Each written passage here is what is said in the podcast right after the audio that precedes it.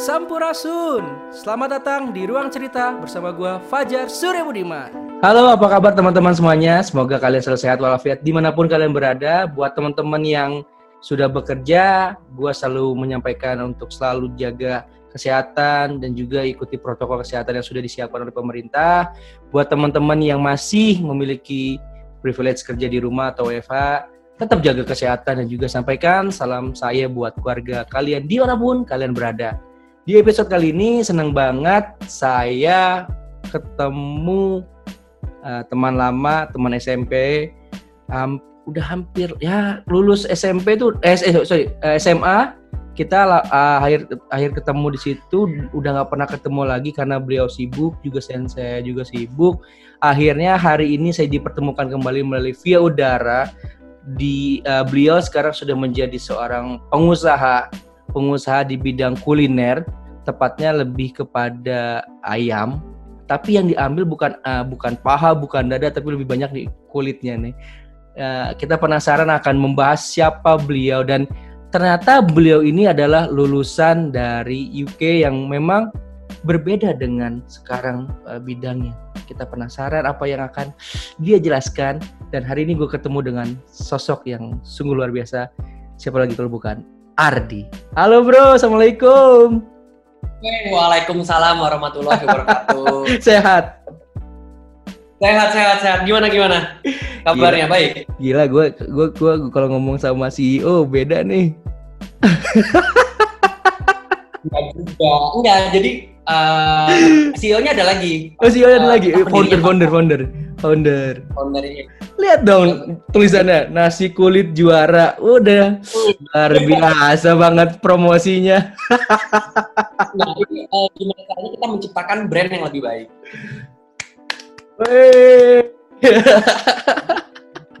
Jadi kalau teman-teman denger di uh, atau visualnya di YouTube, nanti kalian bisa cek juga uh, Instagramnya nasi kulit juara. Tapi sebelum itu, uh, sebelum kita membahas lebih dalam tentang uh, kenapa lu mau terjun di dunia usaha, uh, gue pengen tanya dulu dong. Ini kan kita udah hampir lima bulan nih di kala pandemi.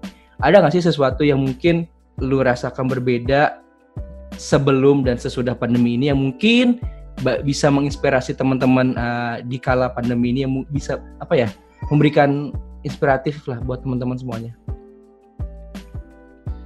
Uh, ya pasti gini sih, uh, karena kita menjual produk, perusahaan kita menjual produk dan uh, terutama makanan, pasti semuanya mengalami penurunan nih, ya Jar ya. Ya maksudnya mau apa pun itu jasa, barang, uh, produk itu uh, pastilah mengalami Ya. yang namanya penurunan omset Hmm. atau pendapatan. Tapi bagaimana sebenarnya itu bukan jadi masalah, tapi itu sebagai tantangan. Kalau kita eh, berpikir itu sebagai masalah, ya udah kita akan eh, berada dalam eh, buayan. Ya udah semua orang juga pada turun kok. Tapi gimana caranya kita bisa menjadikan itu sebuah tantangan yang seru nih. Jadi eh, kita melakukan beberapa kali perubahan-perubahan nih eh, selama pandemi ini. Ya seru sih. eh, ada yang namanya kita shifting orang, kita tidak memperhatikan orang satupun tapi kita melakukan shifting untuk menekan biaya kos operasional. Shifting. Terus yang kedua kita menjual ya mungkin banyak ya yang lain eh, jual makanannya kita pivot nih jadi eh, frozen. Jadi orang itu eh, nggak harus datang atau pakai kalau pakai online kan agak masih eh, worry ya. Jadinya pakai frozen nanti dia eh, kemasannya dibuka mereka goreng sendiri.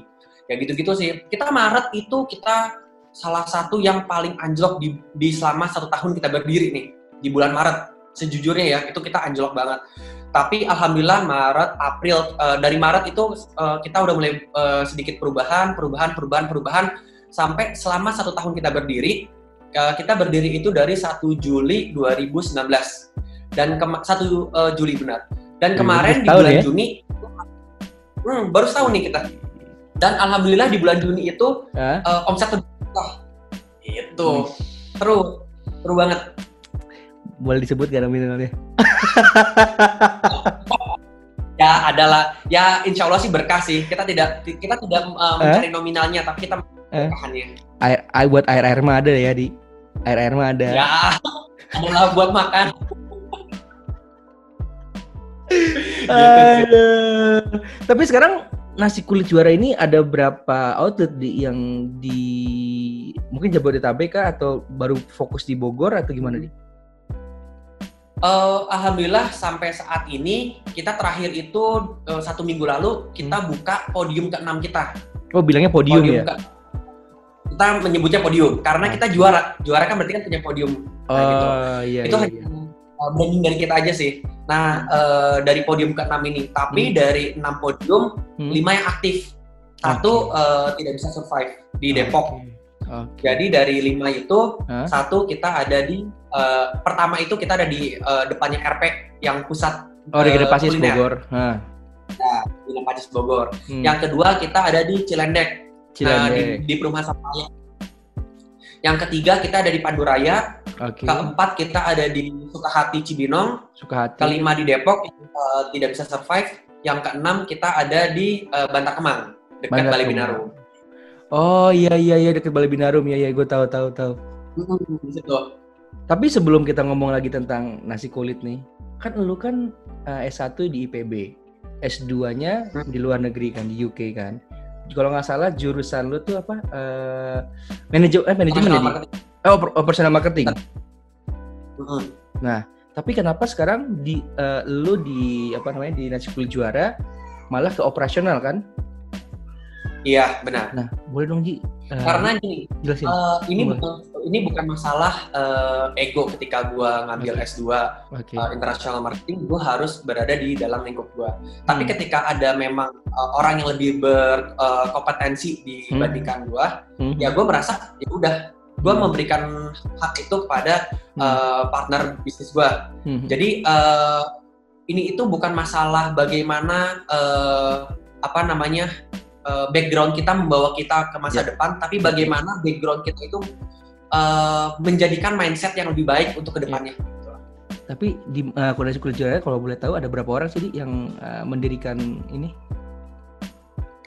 Eh, kita berdiri itu Hmm. eh, empat orang. Hmm. Empat orang. Kalau dibilang backgroundnya apa, Oke. nih ini ini ini menarik nih, ini menarik. Ah, gimana tuh coba? Empat orang. Aha. Yang pertama Hmm. CEO kita Hmm. eh, Fauzi, dia itu lulusan teknik mesin. Teknik mesin. Oke, yang pertama tuh. Yang kedua? Teknik mesin ke Eh. bisnis makanan, gitu kan? Nah tuh. teknik mesin. Sekarang dia megang eh, finance, Oke. oke? Oke, yang kedua? Yang kedua itu marketing kita, namanya Hmm. Ramadan. Dia Oke. itu eh, dia teknik industri. Teknik juga. Sekarang jadi Teknik finance. industri. Jadi marketing. Oh, jadi jadi marketing. Oke. Yang ketiga namanya Kiki. Dia itu eh, tadinya di Sahid eh, Tata Boga. Ya masih sejalur. Masih jalur. Sekarang dia megang eh, apa pengen apa? yang dia megang produksi. Produksi. Oke. Hmm, Jadi semua produksi makanan, nah Hmm. itu masalahnya teman gue ini si Kiki. Hmm. Eh, yang keempat gue marketing Hmm. sekarang di operasional. Gitu. Itu pertemuan lu tuh gimana? Terus bagaimana lu dan teman-teman lu tuh menyatukan eh, pastilah eh, masing-masing eh, personal tuh punya pola pikir yang berbeda-beda kan, tapi menyatukan satu prinsip yang sama atau visi misi yang sama untuk memajukan nasi kulit juara tuh gimana caranya di? Boleh dong di, di share ke teman-teman ruang cerita? Oke, gini sih. Sebenarnya eh, ini menarik juga nih untuk dibahas ya. Hmm. Jadi eh, kita itu memang pertama itu kita eh, berjalan ya udah eh, sebagai orang yang ingin berbisnis. Itu Kalau langsung misalnya orang ber langsung patan, langsung Oke. patan, Hmm. langsung patan. Ini Hmm. posisi berempat. eh, Hmm. Waktu itu gue masih kerja di kantor.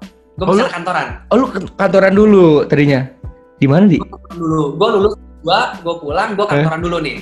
Di pemerintahan. Nah, ketika Nah, ketika gue kantoran, Hmm. eh, mulai nih nasi kulit Hmm. berdiri. Hmm. Nah, oke, udah jalan. Hmm. ketika nasi kulit berdiri. Jadi pertama kali gue meeting itu kalau nggak salah Oktober Hmm. 2018. Oke.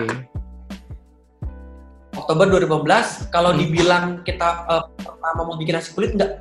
Kita itu kalau nggak salah pertama pengen bikinnya tuh nasi telur. Nasi telur, nasi apa, pokoknya banyak lah. Oke. Sampai tercetus eh, temen gue nih namanya Ramadan. Hmm. Dia eh, anak UGM. Hmm. Jadi eh, dapat inspirasi lah Hmm. wah ini kayaknya nasi kulit itu uh, oke nih buat uh, dikembangkan. Ya Udah, Iya, iya. itulah. Heeh. Nah, kalau dibilang tadi uh, kita punya uh, bagaimana untuk mendapatkan visi misi yang sama, Hmm. ya uh, itu sebenarnya sejujurnya itu berjalan sesuai proses. Ya, Iya. Ya, uh, jadi kalau misalnya dibilang kita udah satu visi dan misi di awal itu Hmm. Hmm. jadi proses kita membentuk visi misi kita yang tadinya uh, yang satu mikirnya A, yang satu B, yang satu C, Iya, yang iya, satu D. betul, betul. Kita itu gimana caranya A, B, C, D. Jadi satu tujuan. Hmm. Tuh. Nah, kalau dibilang dari uh, selama kita setahun, ya, ya kita masih kalau dalam bisnis kita masih sumur jagung lah masih setahun. Hmm. Jadi dalam setahun itu, Hmm. ya banyaklah lika-likunya. Ada Ya. yang namanya uh, konflik internal, ada Ya. konflik eksternal, gitu-gitu. Ya. Ya pasti ada lah. Hmm. Ya maksudnya gini, eh sejujurnya kita di dalam juga eh, pernah lah ada yang namanya konflik. Itu Hmm. itu itu kita tidak tidak munafik ya. Ada ya, Ya, adalah ya. eh, beberapa kali kita konflik yang kita selesaikan duduk bareng, kita selesaikan duduk bareng, selesaikan. Hmm. Nah ini ini poin penting sih. Eh, Yang gue tangkap dari perjalanan ini, dari Hmm. perjalanan selama satu tahun ini, Ya. masih gue bisa, eh, tidak bisa eh, menjadikan ini sebagai eh, tolak ukur untuk eh, mencapai bisnis yang sukses. Ya. Tapi gue percaya gini sih, Eh, jika kita nih kita berselisih dengan eh, sahabat baik kita untuk sesuatu yang baik, Ya. hasilnya pasti akan besar. Oke. Hmm. Itu menarik banget sih. Dulu nih dia waktu SMA nggak kayak gini ngomongnya nih. Ya, ingat gak sih? Iya. Kan gue kan pindahan, gue waktu pindahan dan itu adalah teman pertama gue sebangku. Oh iya benar benar benar teman sebangku. Karena waktu itu Alan sakit. Alan sakit. Alan sekarang lagi di UK kuliah. Di UK. S2. S2 ya. Teknik juga dia. Ya, eh, waduh, kurang tahu dia di Glasgow. Oke. Tapi for your Nah, information ini- teman-teman nih Ardi itu dulu sama gua sama-sama satu eh, apa namanya memiliki hobi yang sama di bidang badminton, tapi lebih jago dia. Tapi ketua tapi ketuanya gua. Gak apa, gak apa. Eh, ketua itu belum tentu paling jago ya? iya iya. Eh tapi tapi ingat ya kata kata pelatih kita jago itu nomor dua, nomor satu yang penting gaya, gayanya. Iya, benar. Minimal orang melihat keren. bener, bener. Friska. Jadi Eh, pelatih, pelatih kita namanya Fiska dia bilang itu untuk jago nomor dua bro. Emang nomor satunya apa? A? Eh, A tuh kan kita karena di Bogor ya. Emang nomor satunya apa? A? Iya. Yang paling nomor satu tuh paling penting dalam bermain badminton adalah gaya dulu. Oh oke. Jagonya nomor dua. Iya, inget banget, ya, inget banget. Aduh, tapi kita nih emang udah pertemanan udah lama, tapi emang karena uh, Ardi S1-nya di PB, gua di Jogja, kita udah lama nggak ketemu juga ya dia di di reuni juga kan kadang-kadang emang kadang Ardi bisa datang atau gue bisa datang Ardi yang nggak datang karena emang kesibukan masing-masing. Akhirnya di kala pandemi ini kita ketemu lagi meskipun melalui via udara, melalui via aplikasi gitu-gitu kan. Tapi tidak memutuskan kita untuk tetap silaturahmi kok gitu ya, Di. Benar nggak? Ya, maksudnya mau bagaimanapun caranya, yang penting kan silaturahminya tersampaikan. Iya, benar. Jadi teman-teman nih, gua mau promosiin nih nasi kulit juara buat teman-teman bisa follow Instagramnya di @nasi-kulit-juara. Nih, mana sih? Nah, itu dia tuh. Nih, Benar. nih, nih, nih, nih. Tuh. Eh, tuh mana? Nah. Ah, ini nih. Wait, wait, wait, wait. Eh, bentar. Ngomong-ngomong, lu Ah. udah nyobain belum, Jar? Ih, gua kan apa yang disuka hati di yang dekat rumah gua. Oh, iya, iya. Jadi gua Gimana itu rasanya? gua Oh, itu dari sering pesennya yang ini, yang paketan ayam kulit, ada apa namanya, paru, paru, terus eh, kol, apa lagi tuh, Nah, sama sambal pakai ayam nggak? pakai ayam, pakai ayam.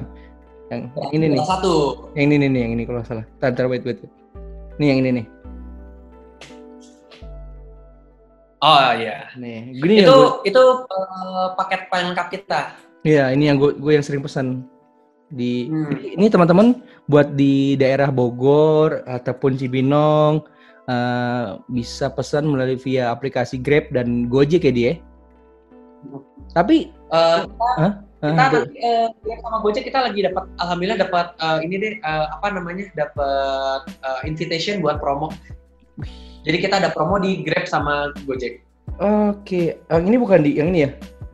Yang diskon ya? Iya, itu itu udah lewat 50%. Nanti uh, diskon 50%. Oh, ada lagi, ada lagi. Apa lagi yang baru? Oh, Oke. Jadi sekarang eh, untuk di tatanan baru ini di kala eh, COVID-19 lu Hmm. lebih banyak di eh, apa? Pemesan dine-in nggak ada ya dia di sana ya. Jadi hanya apa yang hanya untuk aplikasi aja atau gimana sih biasanya di di kondisi Ini um, ya ini menarik sih. Hmm. Eh, maksudnya setelah kita observasi ternyata Hmm. semenjak pandemi ini datang Hmm. eh, semua habit atau kebiasaan konsumen itu berubah bergeser. Berubah drastis ya, Bergeser 180 banget. derajat ya. Iya, maksudnya eh, katakanlah gini, katakanlah mall sekarang udah buka. Ya. Tapi orang nggak tertarik lagi buat ke mall. Iya benar.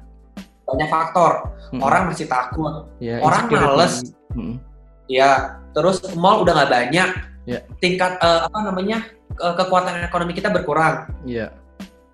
Gaji banyak yang nggak full. Ya maksudnya banyak lah eh, faktor-faktornya. Iya, iya. Ya, jadinya yang tadinya kita biasanya bisa dikatakan eh, yang dine in sama yang take away eh, atau lewat eh, online Hmm. eh, setengah lah 50% 50%. Sekarang bisa lebih dari 80% yang pakai online. Nah, take away atau online ya. Take away atau online. Tapi di lu sendiri ada dine-in nggak sih, Di? Ada. Kalau dine in ada, tapi memang Hah? eh, semenjak pandemi ini kita turun banget buat dine in. Tapi kalau misalnya dari omset, alhamdulillah kita naik. Tertolong dari take away dan online. Hmm, Oke. Take away dan eh, online. Ya mungkin karena online-nya juga kita eh, bisa dikatakan eh, apa namanya uh, take away able. Jadi kalau misalnya dimakan Iya, iya. tuh enak, nggak berantakan Hmm. gitu. Jadi ini itu sih yang di juga Gue- uh, faktor. gua apa namanya? Gua ul- ulang lagi jat apa apa namanya outlet-outlet yang ada di nasi kulit juara itu ada di satu pengadilan Regina Pasis. Eh, itu buka dari Senin sampai Minggu jam 9 sampai jam 5 sore. Catet tuh. Ya kemudian kedua di Pandu Raya buka juga Senin sampai Minggu jam 10 sampai jam 21. Terus kemudian Iya, Pajajaran Baranang Siang, bener gak di? benar. Di Senin sampai Minggu. Yang ketiga tuh kita di Panduraya sebenarnya. Oh, oh tiga Pandu Raya. Oh iya, tuh eh, iya, sorry ada kelupaan. Semplak juga, Semplak Yasmin. Mm-mm. Senin sampai Minggu jam 10 jam 2, jam 10 sampai jam 21. Pandu Raya Senin sampai Minggu jam 10 sampai 21. Sukahati Senin sampai Minggu jam 10 sampai jam 8. Terus Pajajaran Baranang Siang Senin sampai Minggu jam 11 sampai jam 21. Udah kan benar ya? Benar. Kepo. Iya, benar. Ya. Gua kan lagi kepo. Mantap.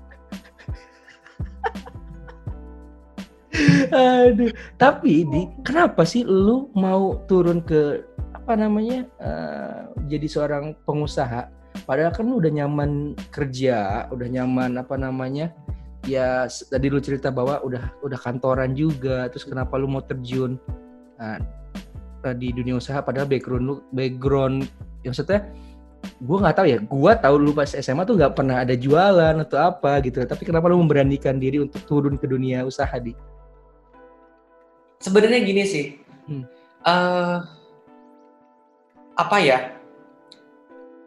Gue merasa gini. eh, keti- memang gue mendapatkan eh, apa namanya kesempatan buat melakukan eh, apa namanya dua hal dan secara berbarengan. Iya. Ketika gue berbisnis dan ketika gue eh, apa namanya kerja di kantor Iya. dalam kurun waktu sekitar 3 sampai 4 bulan lah waktu itu.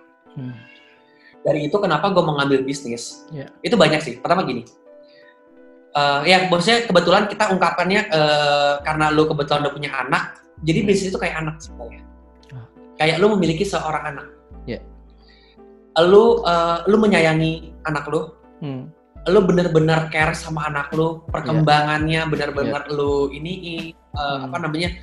lu eh, jaga, Hmm. lu bener-bener memberikan asupan terbaik, lu Iya, men- iya, bener-bener eh, memberikan eh, apa namanya perhatian yang lebih terhadap Iya. eh, anak lu Hmm. Eh, katakan gini deh. Maksudnya ketika lu menjaga anak lu, lu kan sepenuh hati kan? Iya. Benar kan, Jar? Iya. Lu tidak dibayar untuk menjaga anak lu. Iya. Lu tidak dibayar untuk eh, memberikan eh, asupan terbaik. Lu Iya, tidak iya. dibayar untuk memberikan perhatian terbaik buat anak Hmm. lu. Hmm. Itulah bisnis. Yang yang gua tanamkan dalam diri gua. Oke. Eh, kalau misalnya bekerja, ya waktu itu gue bekerja dari jam 8 sampai jam 5. Oke, selesai. Se- setelah itu kalau misalnya ada kerjaan, udah di luar tanggung jawab gue. Iya. Tapi kalau bisa nggak bisa. Mau gue sampai jam 1 pagi, mau gue sampai jam 2 pagi, mau gue nggak tidur, ya karena itu gue merasa eh, itu kepemilikan gue, jadinya tuh gue benar-benar ngerasanya gimana ya, eh, seneng gitu menjalankannya, tulus tulus hati, terus benar-benar eh, dengan penuh apa namanya ikhlas gitu-gitu. Dan satu lagi, Hmm. setiap eh, ya kebetulan eh, kita nasi kulit itu gajian setiap tanggal 5. Setiap tanggal 5 ada 28 eh, karyawan atau partner kerja yang bisa kita eh, apa namanya? hmm, kita makmurkan kehidupannya. Itu poin utamanya sebenarnya. Jadi sekarang eh, yang membantu di nasi kulit ada 28 orang ya dia. 28 yang digaji dari nasi kulit. Ada rencana mau nambah lagi nggak di, di 2020 akhir atau 2021? Eh, kita sih eh, punya target Hmm. eh, kita itu punya 10 cabang di tahun 2020 Jabodetabek? Jabodetabek. Oke. Kita ti- eh, kita bilangnya tidak Jabodetabek, kita bilangnya Indonesia. Ngeri kali. Enggak. Iya iya iya. Kalau Udah udah di di Depok sama di di Jakarta kan Indonesia. Indonesia. Benar nggak? Iya iya iya iya iya. Jawaban aman. Aduh. Tapi di untuk sekarang nih di eh, lu memperlakukan ini gak sih? Eh, kan tadi lu bilang nih, gue lihat juga tadi di apa namanya di eh, story kan eh, juara juara Frozen itu kan berarti kan memperlakukan untuk teman-teman yang mau eh, apa namanya masak di rumahnya gitu kan dengan menggunakan Frozen itu. Iya. Ada nggak sih bisa nggak sih kita beli untuk kita yang daerah di luar Jabodetabek terus dikirim memakai eh, apa namanya mm, online ataupun kirim pakai jasa kurir gitu-gitu bisa nggak sih udah pernah ngelakuin belum di nasi kulit juara Gini, eh, kita eh, untuk Frozen itu kita menerapkan eh, ada yang namanya reseller. oke Nah dari reseller itu Hmm. sebenarnya gini, eh, reseller itu pernah mencoba mengirim ke luar eh, Jawa. itu berhasil. Tapi sejujurnya kalau dari perusahaan kita sendiri, Hmm. kita lingkupnya masih Jabodetabek dan Bandung. Karena kita pakai yang eh, ada satu satu apa namanya eh, apa untuk mengirim pengiriman barang yang baru nih yang lagi booming itu kan bisa same day delivery. Ya, oh nanti jadi iklan. nggak apa-apa. Lah kan podcast podcast ah, podcast podcast gua. Oh iya, nggak apa-apa. Nah oke, katakanlah itu si P belakangnya L. itu kan bisa same day. ya Jadi kita pagi kita kirim, eh, malamnya mereka terima. Itu itu eh, sejauh ini tidak ada komplainan sama sekali alhamdulillah. tapi tahan lama berapa lama sih di? Kalau di kulkas atau di apa yang kulkas bawah atau kulkas atas? Kalau frozen sih eh, kita pernah nyoba. Waktu itu gua eh, nyoba di rumah Mm-mm. eh, itu sampai tiga bulan masih oke banget. Masih tidak ada perubahan rasa. Asal Karena frozen ya, dibuka, asal nggak dibuka kan asal nggak dibuka packagingnya. kalau udah dibuka seminggu atau tiga hari Kalau udah dibuka kemungkinan akan lebih turun. Tapi kita belum coba. Tapi eh, amannya sih seminggu ya, oke amannya. Iya iya iya. Di tadi kan kalau gue lihat nih eh, macam-macam ragamnya kan itu kan tidak hanya apa eh, kulit nah, kulit ayam aja kan, tapi juga ada jual paru kan, kemudian juga oseng mercon apa kulit terus apa lagi pokoknya banyak lah gitu kan nih nih paket-paket juara nih kalau paket juara itu ada nasi plus kulit plus ayam plus paru plus surundeng ini yang ber- ini yang membedakan ini ini menurut gua ya ini menurut gua pribadi uh, gua um, memakan berapa banyak brand yang uh, nasi kulit gitu yang membedakan lo satu ini gue sebagai konsumen yaitu serundengnya lebih enak oh ini bukan ini ini bu- bukan ini ya bukan apa namanya bukan sih, bukan pre- bukan peres ya bukan ini beneran nih testimoni nih testimoni ya abis ini siapa tahu lo mau dikirimin ke gua ke rumah nggak apa-apa Di. boleh, boleh. Nanti kirimin alamat aja nanti gue. Cakep. Jadi it- itu ya menurut gue yang sebagai gue sebagai konsumen eh, yang membedakan adalah gue sangat suka dengan paru dan serundeng itu yang paketannya itu. Hmm. Dia itu tidak apa ya kalau dari gue kan termasuk yang meng- apa, pengguna atau pe- penikmat nasi gitu kan. Nasinya juga nggak Hmm. yang pelit-pelit amat lah bahasa gitu kan. Jadi se- di sekotak pun itu dia masih enak layak secara visual tatanannya juga masih rapi kayak gitu kan. Terus yang gua senang lagi adalah cabenya bro. Itu pas banget sih sumpah. Itu gimana sih caranya? Mantap ya, ya. Itu cara gimana sih lu menyamakan semua outlet tuh harus sama di setiap outlet rasanya harus sama, eh, packagingnya harus sama dan lain-lainnya itu gimana sih lu menerapkannya di? Jadi gini, eh, cara eh, cara yang kita eh, lakukan Mhm. itu adalah kita punya central kitchen. Kita punya Oke. pabrik tersendiri. Nah, pabrik itu yang kita supply setiap hari ke setiap outlet gitu. Itu Jadi tidak ada ya? perbedaan. Hah? Ini Enam di- enamnya? Iya, Ah, di kita kita Ah. semua. Oke. Eh, ini bisa dikatakan plus minus. Iya iya iya. Plusnya adalah Hmm. kita menjaga kualitas setiap outlet Betul. sama. Standarisasi kita sama. Hmm. Terus yang kedua adalah Hmm. outlet tidak bingung untuk eh, mencari bahan baku. Ya betul. Karena tinggal menerima kan? Ya, Ya. karena udah di, maksudnya eh, udah tinggal udah tinggal terima jadi. Paling yang kalau misalnya outlet tuh cuma mikir eh, dia beli galon, beli gas, yang maksudnya di mana pun akan sama. Galon sama gas tidak akan berubah, tidak akan Iya, berbeda. Iya iya iya iya. Eh, terus yang terakhir itu adalah kita menerapkan keuntungan dari pabrik kita. Padahal eh, outlet punya kita, pabrik punya kita, tapi Hmm. kita menerapkan keuntungan. Gitu. Hmm. Terus eh, itu kelebihannya. Tapi Hmm. di balik ke balik kelebihan pasti ada kekurangan dong. Betul. Ya kekurangannya ribet. Iya. Yang kedua adalah kita membuang aset banyak banget di pabrik. Penyimpanan kita banyak. Pakai eh, freezer kita banyak banget. Terus yang ketiga adalah kalau misalnya ada eh, kerusakan atau ada reject di pabrik, kena di semua outlet. Oke. Iya iya. iya. Ya, itu sebagai pembanding aja ma- Iya, eh, mana yang mau diambil, mau menjaga kualitas tapi ribet Iya. atau mau gampang tapi kualitas berbeda. Iya betul. Antara outlet berbeda gitu ya. Ya kembalikan lagi kepada kalian apa sebagai eh, pengusaha ya dia mau milih yang central kitchen atau yang setiap outlet apa apa apa. Kelebihannya adalah eh, resep terjaga secara rahasia. Itu yang penting. Kita tidak membeberkan resep sama sekali. Itu yang penting. Mantap. Juara. Itu yang susah soalnya. Iya iya iya iya. Tapi nih unik nih, ya gue gue yang unik lagi adalah kenapa sih lo namain nasi kulit juara? Apa karena lo pengen emang sering eh, jadi pemain badminton, jadi pengen juara terus? Enggak. Kenapa lo tadinya kita uh, membrandnya juara? Eh, pertama berasal dari eh, yang tadi kita sebutkan, eh, yang tadi saya apa yang gua sebutin tuh kan gue pengen bikin yang eh, brand pertama tuh namanya nasi telur eh, nasi telur. Hmm. Nah dulu tuh namanya nasi telur Indonesia. Ah, awalnya itu. Awalnya nasi telur Indonesia. Terus terus itu nasi nasi telur juara. Hmm. Nah kenapa nasi telur juara? Karena juara itu eh, kita menganggapnya adalah sesuatu eh, moto atau ya maksudnya moto atau tujuan yang baik lah. Iya. Karena untuk sebagai pemenang, ya maksudnya eh, banyak hal.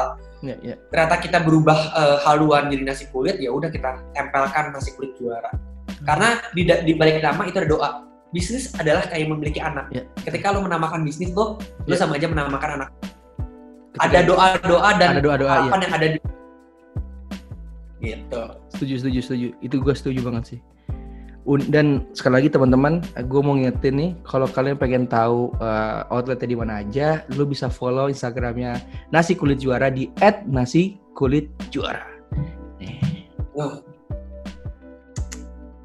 Nah, di capture dah tuh. Aduh.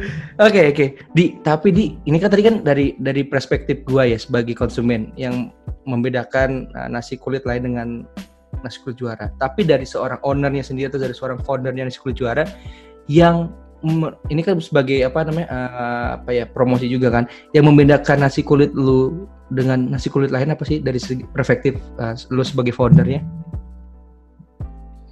Eh, yang membedakan pertama gini tujuan kita berbisnis itu uh, mungkin berbeda dengan uh, kebanyakan orang. Gue Hmm. tidak bilang semua orang uh, kita berbeda sendiri, tapi kebanyakan orang berbeda. Hmm. Karena uh, ketika kita uh, berbisnis itu Oke.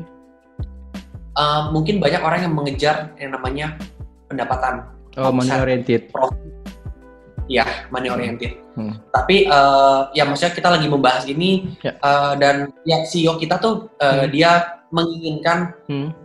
uh, bisnis ini tuh berjalan bukan Hmm. untuk uh, ke arah sana, Oke. tapi ke untuk untuk kemaslahatan atau uh, keberkahan lah. Ya kerbahan Kan itu. semua orang ya. Hmm. Ketika ketika gue membuka uh, outlet baru, berarti Oke. gue akan uh, bisa menafkahi orang baru Ya, ya. gitu. Ya maksudnya kalau di luar di luar itu ada nanti ada profit ada itu itu Ya. sebagai bonus lah. Ya, ya. Tapi inti inti awalnya adalah bagaimana lu bisa atau teman-teman uh, lu dengan teman-teman lu bisa menciptakan lapangan kerja baru buat orang lain. That's right? Yap.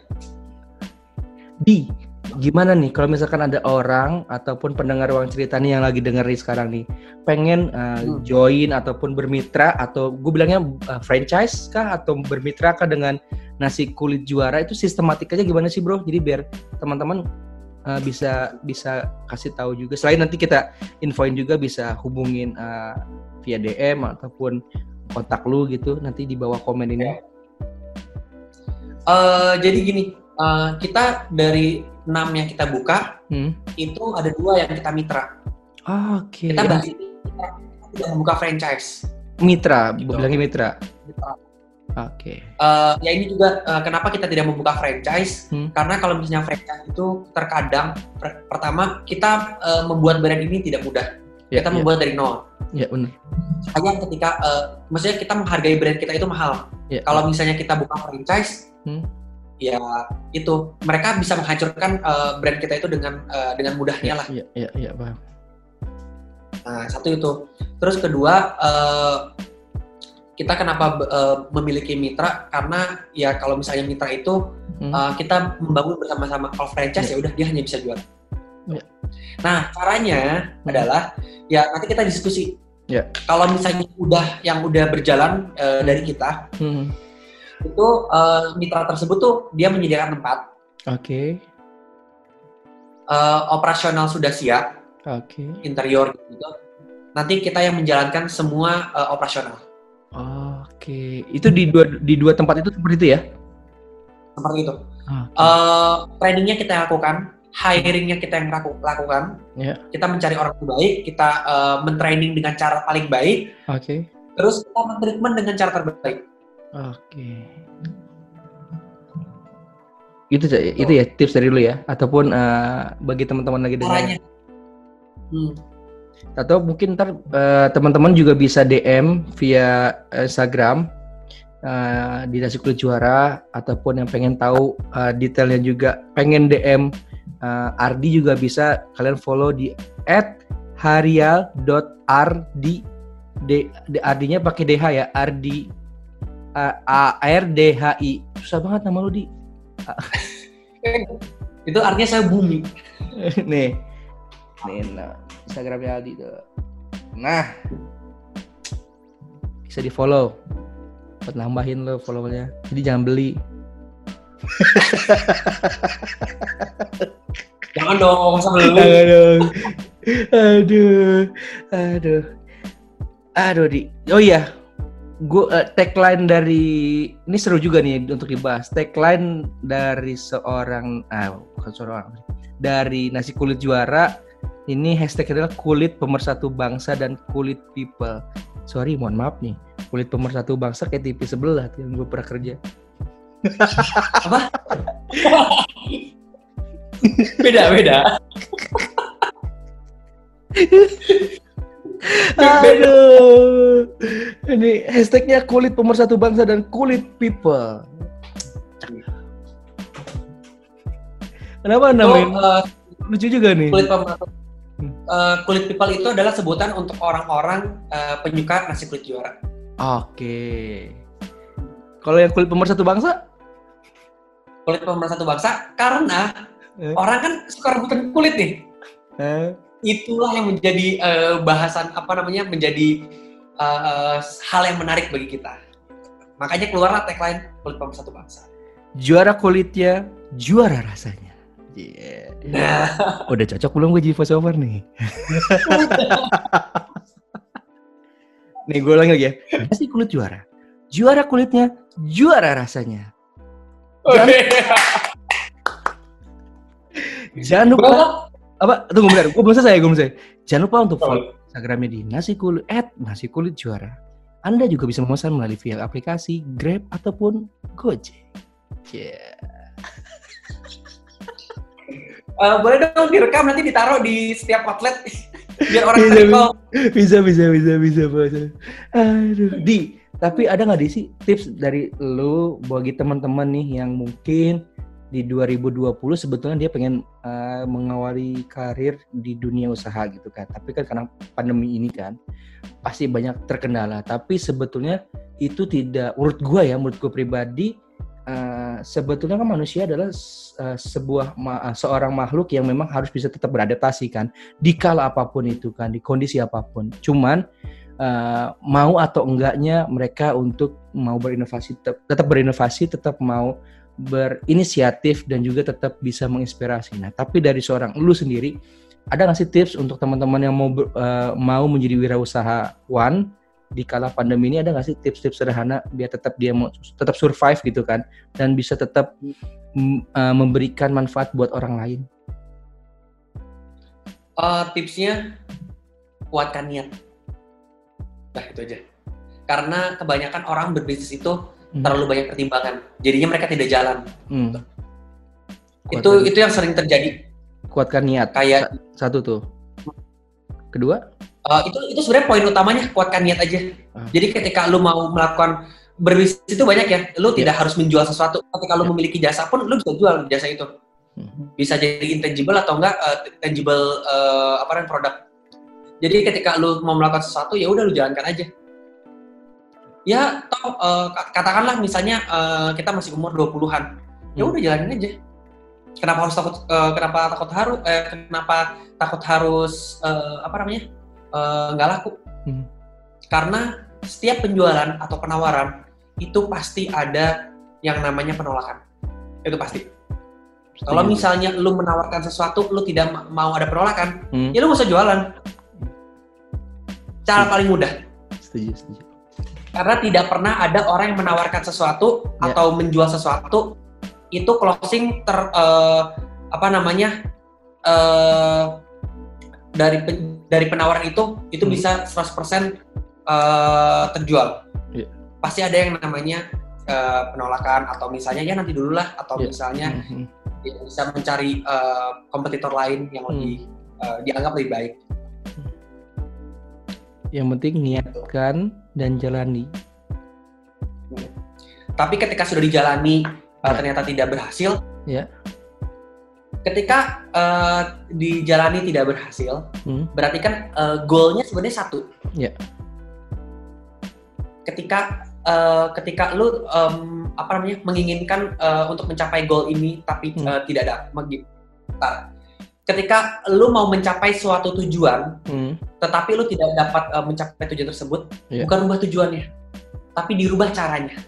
oke rubah caranya untuk tetap mencapai tujuan tersebut Iya. Selama tujuannya baik ya. Ya. Gitu. hebat lo di sekarang Karena- ngomong di caranya aja yang salah. Tujuannya benar, caranya salah. di lo hebat sekarang ngomongnya di keren pak Wah, nggak nggak nggak. Ya. apa? Nggak nggak apa? Nggak nggak salah gue milih teman sebangku dulu meskipun Alani sakit. Meskipun meskipun kita duduknya paling belakang. meskipun sama Bu Tut sering dipanggil ke depan. iya. Fajar Ardi maju ke depan. Ya elah orang kalau maju ke depan tuh kalau berprestasi gitu kan Iya. Kata guru BK kita, Eh. kalau misalnya mau ingat, itu cuma dua. apa tuh Satu berprestasi, hmm? satu bermasalah. kalau kita berprestasi, udah bisa ya. Ya iya udah kita cara ambil kedua. Tapi selalu diinget di, selalu diingat. Tapi kan berprestasi nanti di luar. Sekarang kita berprestasi iya. gitu kan. Iya, kita punya prestasi masing-masing, kerjaannya masing-masing. Jadi masing-masing. Terakhir nih di, di ruang cerita Fajar di episode kali ini bersama uh, seorang pengusaha Ardi.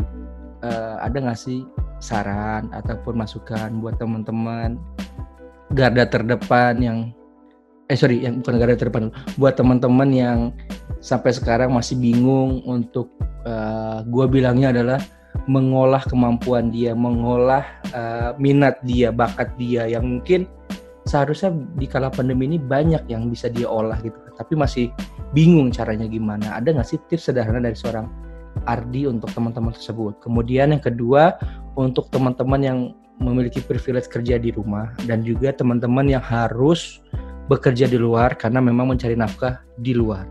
Itu sih. Oke, yang pertama uh, bagaimana uh, apa namanya? Bentar, tadi apa sih yang pertama tuh? Yang ini buat orang-orang yang belum bisa mengolah uh, kemampuannya dia ataupun uh, bakatnya dia seperti apa gitu di. Sebenarnya gini, uh, setiap orang itu pasti punya kemampuannya masing-masing ini ini yang kita uh, yang maksudnya yang gue uh, tangkap dari yang uh, dikatakan sama Albert Einstein ketika lo menilai hmm. seekor ikan untuk memanjat itu tidak akan pernah uh, ikan itu dia katakan sebagai uh, atau orang yang pintar hmm. ya sama yang karena contoh misalnya gini deh kemampuan uh, lo jar hmm. lo komunikasi lo bagus hmm. relasi lo bagus lo berkomunikasi dengan orang uh, berbicara dengan orang itu baik Hmm. Ya ketika lu disuruh melakukan sesuatu, contoh misalnya lu suruh jadi accounting, ya bukan passion lu. Yeah. Lu tidak bisa bekerja di depan uh, di depan komputer yang tanpa yeah. Ya. uh, apa namanya tanpa komunikasi dengan orang lain. Ya itu. Yang penting itu gimana caranya kita nyaman dengan apa yang kita lakukan. Itu sih poin utama. Itu itu yang buat tadi uh, yang belum punya apa belum bisa menggali potensi. Tadi yang kedua buat teman-teman yang memiliki privilege WFH dan juga yang teman-teman harus bekerja di luar nih tips dan sarannya? Kalau misalnya buat yang WFH hmm. ya bersyukurlah kalian mempunyai kemampuan itu. Maksudnya yeah. eh, mempunyai privilege itu. Yeah. Ya maksudnya uh, dalam artian banyak orang yang uh, worry atau insecure untuk keluar yeah. rumah hmm. tapi kalian itu. Manfaatkanlah dengan sebaik-baiknya. Yeah. Kalau untuk yang harus keluar uh, se sejujurnya uh, gue berada di posisi yang harus keluar. Yeah. Karena kan gue, uh, maksudnya gue operasional, jadi gue harus memastikan semua uh, dalam uh, keadaan yang baik-baik aja, semua berjalan dengan sesuai dengan uh, yang diharapkan. Yeah. Yaitu pertama tipsnya selalu mengikuti protokol dari pemerintah, hmm. jaga jarak, hmm. pakai masker, cuci tangan, hmm. bersih, uh, maksudnya membersihkan diri ketika hmm. pulang ya udah uh, apa namanya uh, membersihkan diri karena gini yang dikhawatirkan itu adalah kita merasa diri kita sehat yeah. Tapi orang sekitar kita sebenarnya yang rentan itu yeah. yang sebenarnya harus dikhawatirkan. Terkadang gue juga kalau misalnya pulang aduh capek kayaknya tidur. Tapi gue berpikir ya maksudnya gue punya uh, alhamdulillah orang tua masih lengkap di rumah hmm. tinggal satu rumah nah itu yang menjadi uh, concern gue oke. Okay terakhir nih di. Terakhir terakhir. Uh, boleh dong dikasih dukungan buat teman-teman garda terdepan yang sampai sekarang masih berjuang uh, melawan COVID-19 dan juga ada nggak closing statement dari seorang Ardi untuk teman-teman seluruh pengusaha di mana pun dia berada di kala pandemi ini? Uh, buat uh, ya maksudnya buat orang-orang yang masih ber, uh, selalu berjuang untuk uh, kita Indonesia atau masyarakat Indonesia atau bahkan masyarakat dunia uh, bisa keluar dari uh, pandemi ini ya pertama uh, gue pribadi mungkin uh, bisa mewakili atau uh, dapat mewakili seluruh uh, masyarakat di Indonesia mengucapkan banyak banget terima kasih yang rela tidak pulang ke rumah karena untuk menjaga keluarganya, untuk yeah. menjaga orang-orang yang sedang dirawat, yeah. itu terima kasih banget.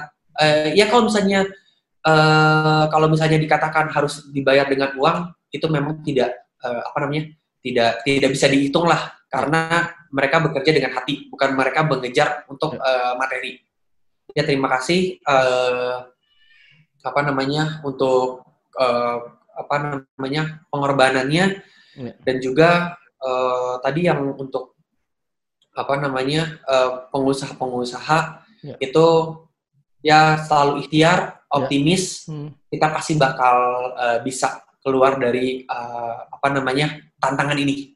Ini bukan masalah, tapi ini tantangan. Gimana caranya kita bisa beradaptasi dari tantangan hmm. yang sedang uh, kita hadapi bersama-sama. Wow, harusnya masih banyak lagi yang harus dibahas nih, tapi ternyata waktu juga yang waktu memisahkan kita nih. Di. Jangan kapok untuk main di uh, ruang cerita di episode berikutnya. Yang pasti kita selalu berdoa dan berharap pandemi ini cepat berlalu dan juga pasti Ingin. semua di semua lini sektor bisnis ataupun apa pun itu uh, memiliki uh, kena dampaknya gitu. Tapi sejujurnya adalah kita harus tetap uh, survive, kita harus tetap uh, maju ke depan, tidak boleh mungkin boleh kita sesekali untuk menoreh ke belakang. Itu untuk memotivasi kita untuk lebih baik lagi lebih baik lagi. Dan juga saya yakini bahwa untuk seluruh teman-teman yang mungkin sekarang harus dirumahkan dulu ataupun yang memang uh, pekerjaannya terhenti eksplorlah diri kalian dengan kemampuan kalian semaksimal mungkin eksplor itu kemudian jangan pernah lelah untuk selalu berikhtiar berdoa dan juga percayalah Tuhan itu selalu akan memberikan jalan buat kita dengan caranya beliau dengan caranya ia dengan masing dengan kemampuan masing-masing dan percayalah Tuhan itu tidak pernah tidur dan tetaplah berusaha dan tetaplah menjadi manusia yang bermanfaat bagi masyarakat banyak.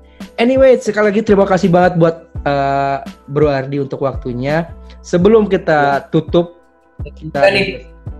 Apa? Seru banget. Seru banget. Lagi Asik. sama uh, juga seru bisa sharing bisa berbagi. Ya. ya siapa tahu mudah-mudahan berguna lah. Jangan kapok lah intinya main ke, ke ruang cerita Fajar. Sekali lagi sekali lagi gue mau banyak informasi penting. Apa apa? Iya mas uh, kalau misalnya ngelihat podcast tuh banyak informasi-informasi penting yang ya. bisa didapatkan betul betul betul sekali lagi teman-teman yang mau uh, tahu lebih dalam tentang nasi kulit juara ataupun mau pesan yang buat teman-teman di wilayah Bogor dan sekitarnya bisa follow Instagramnya di @nasi_kulit_juara. Nih. Nah, eh mana sih? Nah itu. Nasi kulit juara. Uh, outletnya ada tadi ada enam media di uh, enam tapi yang aktif aktif lima yang aktif lima di satu di Sukahati di kemudian tadi pengadilan, pengadilan. Regina Pasis, Semplak Yasmin, Pandu Raya, Pajajaran. Ya, itu yep. buka setiap Senin sampai Minggu, ada yang dari jam 9 dan ada yang juga jam 10 dan juga jam 11. Gitu. Yep. Dan ikuti terus pantenginnya uh, pasti banyak lagi promo-promo atau diskon-diskon yang akan diberikan oleh nasi kulit juara buat teman-teman pecinta kulit ayam dan juga gue termasuk pecinta kulit paru apa pecinta paru dan serundeng. Nanti kirim alamat ya. Oh siap gue bilang oh, kalau itu mah kita promo. Itu siap itu sebetulnya salah satunya. Nanti kirim aja kita foto dulu di. Kita ada foto dulu. Sebelum menutup itu kita foto. Nih karena gue pakai baju Iron Man. Iron Man lucu tuh. Pakai dot. Gimana? Tuh bentar. Gue gue pengen nunjukin ininya nih. Ah uh, gue munduran oke okay, yuk. Satu dua. Lagi di. Ntar saya gue yuk. Satu dua Oke, okay, thank you banget Ardi untuk waktunya. Sehat-sehat selalu. Salam buat keluarga dan salam juga buat teman-teman kawan-kawan yang lain. Sukses terus di jangan pernah lelah untuk berbagi pengalaman buat teman-teman semuanya dan jangan kapok main di ruang cerita. Enggak lah. Ya kalau ada undangan lagi, main lagi dong. Kagak. Kalau ada promo-promo baru, siap. Oh iya, sekali lagi, sekali lagi, sekali lagi. Gue pengen ini. Nasi kulit juara. Juara kulitnya, juara rasanya. Kulit pemersatu bangsa, kulit people. Iya. Yeah. Ardi, thank you untuk waktunya. Sehat-sehat selalu dan sampai jumpa di lain kesempatan. Dah, assalamualaikum. Waalaikumsalam warahmatullahi wabarakatuh. Hai, jangan lupa ya untuk like, comment, and subscribe channel YouTube Akang ya. Hatur nuhun.